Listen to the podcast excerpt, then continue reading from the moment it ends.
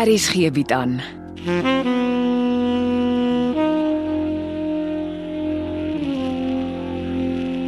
Afsluiting deur Jo Kleinhans.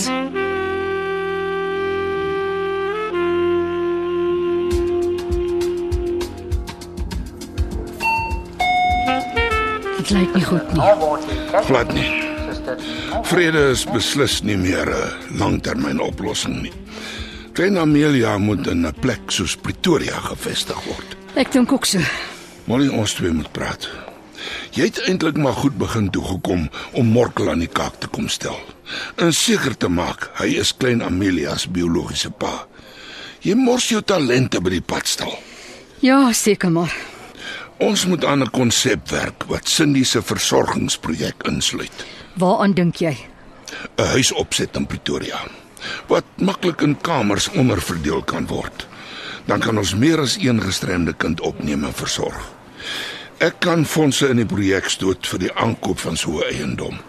Jy bestuur die plek en Cindy se projek help om die huis te befonds. So iets. Sien jy kans daarvoor? Enige tyd. Die vraag is net wat maak ons met klein Amelia se ouma en haar ma? Klein Amelia se ouma lyk gedaan. Sy moet in 'n plek vir bejaardes kom. Daar's 'n hele paar knap aftreeorde in Pretoria. En Amelia? Wat se kwalifikasies het sy? Sy het gelukkig na matriek 'n ordentlike kursus in rekenaars gedoen. Sy's goed met rekenaars. Miskien moet ons in die huis opset voorsiening maak vir 'n twee-slaapkamer woonstel waarin jy en Amelia bly. Dit sou goed wees as klein Amelia haar man gereeld sien en dan help Amelia jou.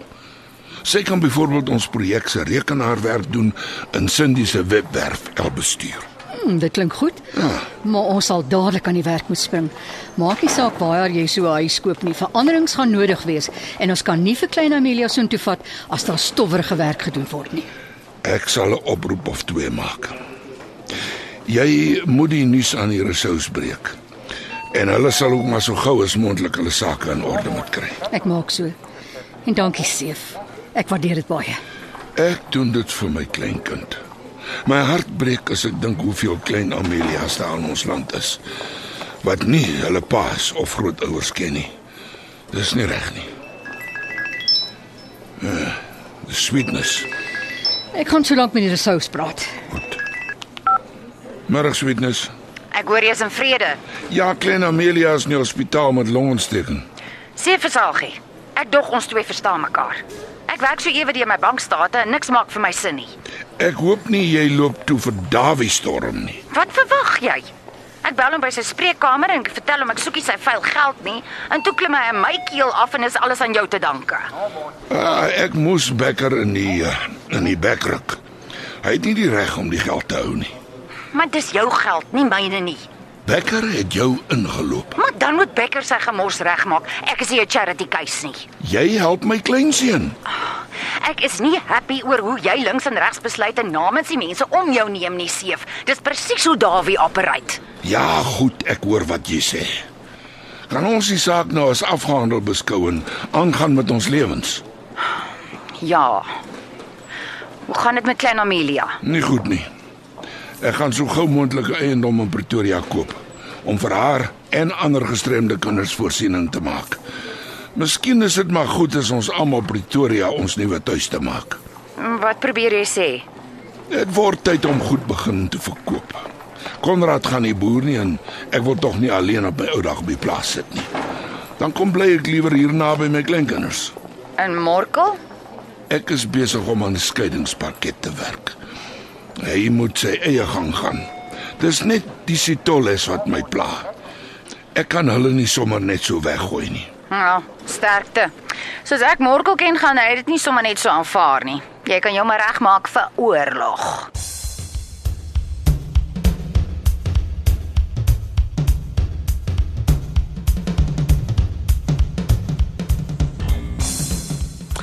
Dis snaaks om meneer Morkel ook goed begin te sien. Waar is al die mense? By vrede. Meneer Morkel se klein meisiekind is in die hospitaal. Ek het gedog meneer Morkel sal ook soontoe ry. Wat sê jy? Het ek iets verkeerd gesê? Ek weet nie wie jou kop vol twak gepraat het nie, maar ek het net een kind en sy naam is Konrad. Dan het ek seker maar verkeerd gehoor. Martha, jy het oornag geskande vir die kerk geword. Jy's loshande die grootste skinderbek in ons hele distrik. Bepaal jou by jou mense. Ek hoor Adam is weer terug op die plaas. Fokus op hom. Steek die bottels dop weg voor hy hom weer daaraan vergryp. Ek het nie geweet die waarheid is nou skielik skinder nie. Moenie jou opruk vir my nie. Omdat Molly iets sê, beteken dit nie dis die waarheid nie. Tatte glo dieselfde ding. Hy en Molly praat uit een mond oor die klein Amelia. Nee, ek het my klere kom haal. Gaan meneer Mokkel dan nie terug goed begin toe nie? Nee, ek gaan vir Niels Leroux boer. Ek hoor die man is bankrupt. Ek hoor hy wil verkoop en stad toe trek. Die enigste man in Koster se distrik wat sy plaas wil verkoop is Seef Versagie en hy gaan julle se tolle soos 'n sak patats drop. Julle gaan nog lank trane huil.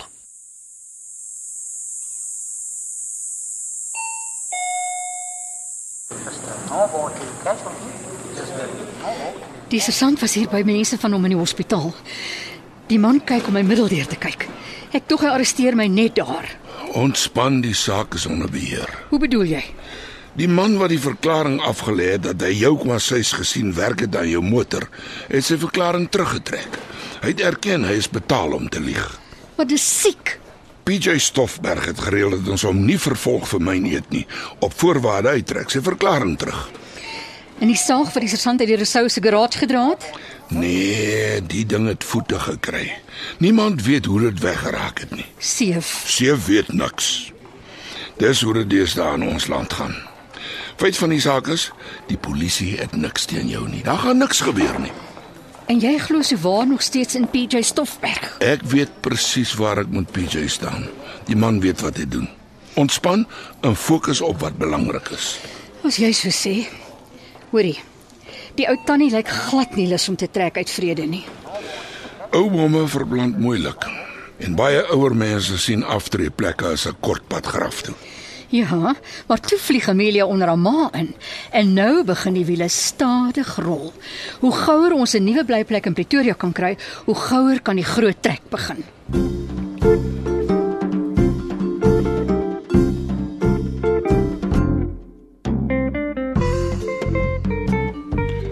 Ek kan net sowel van my 'n permanente kamer in julle gastehuis bespreek, soos wat dinge nou aangaan.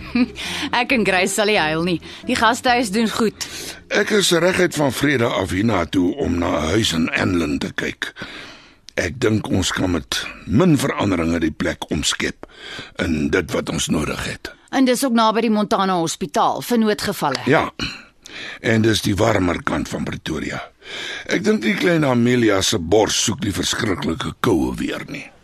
Net jammer jy kan nie haar drie versorgers saam met jou bring nie. Hulle weet ten minste wat gaan vir wat. Ja, die versorgers is nog 'n kopseer wat ons moet uitsorteer. Ek sien dieselfde ding hier by die gastehuis. Jy is so goed soos jou personeel. Dit gaan maar so op die plaas ook. Adam is terug op goed begin. Dis dit dat ek so baie op die pad kan wees. Sief, ek en Konrad het lank gepraat. Sy kop is agter mekaar. Hy hou van Grace se flat en hy wil hotel wees se swat. En Cindy is oukei okay daarmee. Ja, dis goeie nuus. Maar ons moet een ding uit die pad uitkry. Ons almal moet closure oor die verlede kry sodat ons kan skoon begin. Elke mens moet maar op sy eie manier afsluiting kry. Ek weet my siel sal nie rus voor ek weet wie my Susara vermoor het nie. Ek verstaan dit. Maar jy en Morkel kan nie langer die waarheid van Konrad weghou nie. Waarvan praat jy? Seef, hou op om dom te speel. Maxine en Grace was halfsusters. Ek het dit nie geweet nie. Het Morkel jy nie gesê ek en Maxine was close vriendinne nie? Ek en Morkel praat nie oor Maxine nie. Ek ken Maxine se storie asof dit my eie storie is. Ek het nagte saam met haar omgehuil. Ek het lank met Dominie van der Walt gepraat na Maxine se dood. Hy was by my gewees na die begrafnis. En ons het saam besluit ons los alles net soos dit is. Maar dis nie reg nie. Wie sê so? Ek praat namens Maxine. Ek sê jou wat Dominie van der Walt gesê het. Dis tyd dat ons alles laat rus, Maxine ook. Jy weet natuurlik dat Maxine op 'n druppel water soos Dominee van der Walt se dogter lyk wat in die motorongeluk dood is. Ek weet van sy dogter. Maxine se dood en haar begrafnis het closure vir Dominee van der Walt gebring oor sy dogter. Dis die wat hy sê laat alles rus. Hy het eintlik bedoel sy dogter kan nou in vrede rus. Hoe kan jy so iets sê? Ek was by Maxine se begrafnis. Ek het na Dominee van der Walt gesit en luister. Hy het in die paar woorde wat hy gepraat het, 3 keer sy dogter se naam in plaas van Maxine se gebruik. Hy het nie Maxine begrawe nie. Hy was flenters, soos 'n pa wat sy kind begrawe het. Ek gaan nou aan niks krap nie. Ek moet eers vir Morkel hanteer. En later as Konrad sterk op die voete staan, dan sal ek hom die waarheid vertel. Jy maak 'n fout. Maar ek weet dis woorde wat Sief versag en nie graag wil hoor nie.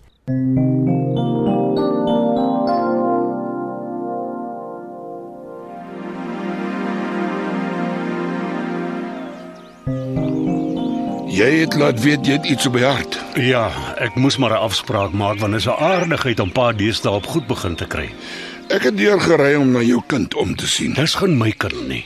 Dis nie waaroor jy kom praat het nie. Nee, beslis nie. Ons sal die saak in die hof hanteer. As jy geld het om te mors, mors dit maar. Ek het 'n gedagte vir 'n skeidingspakket, maar dis die minimum waarvoor ek sal settle. Dis bemoedigend. Ons begin daarom albei in die regte rigting dink. Ek huur 'n stuk grond by Niels Leroux. En jy het 'n paar van my beeste soontoe gevat sonder om dit met my uit te klaar. Wil pa oor 'n skeidingspakket praat of gaan ons mekaar met klippe gooi? Ek luister. Ja, Niels wil stad toe soos pa. Hy wil ook alles verkoop.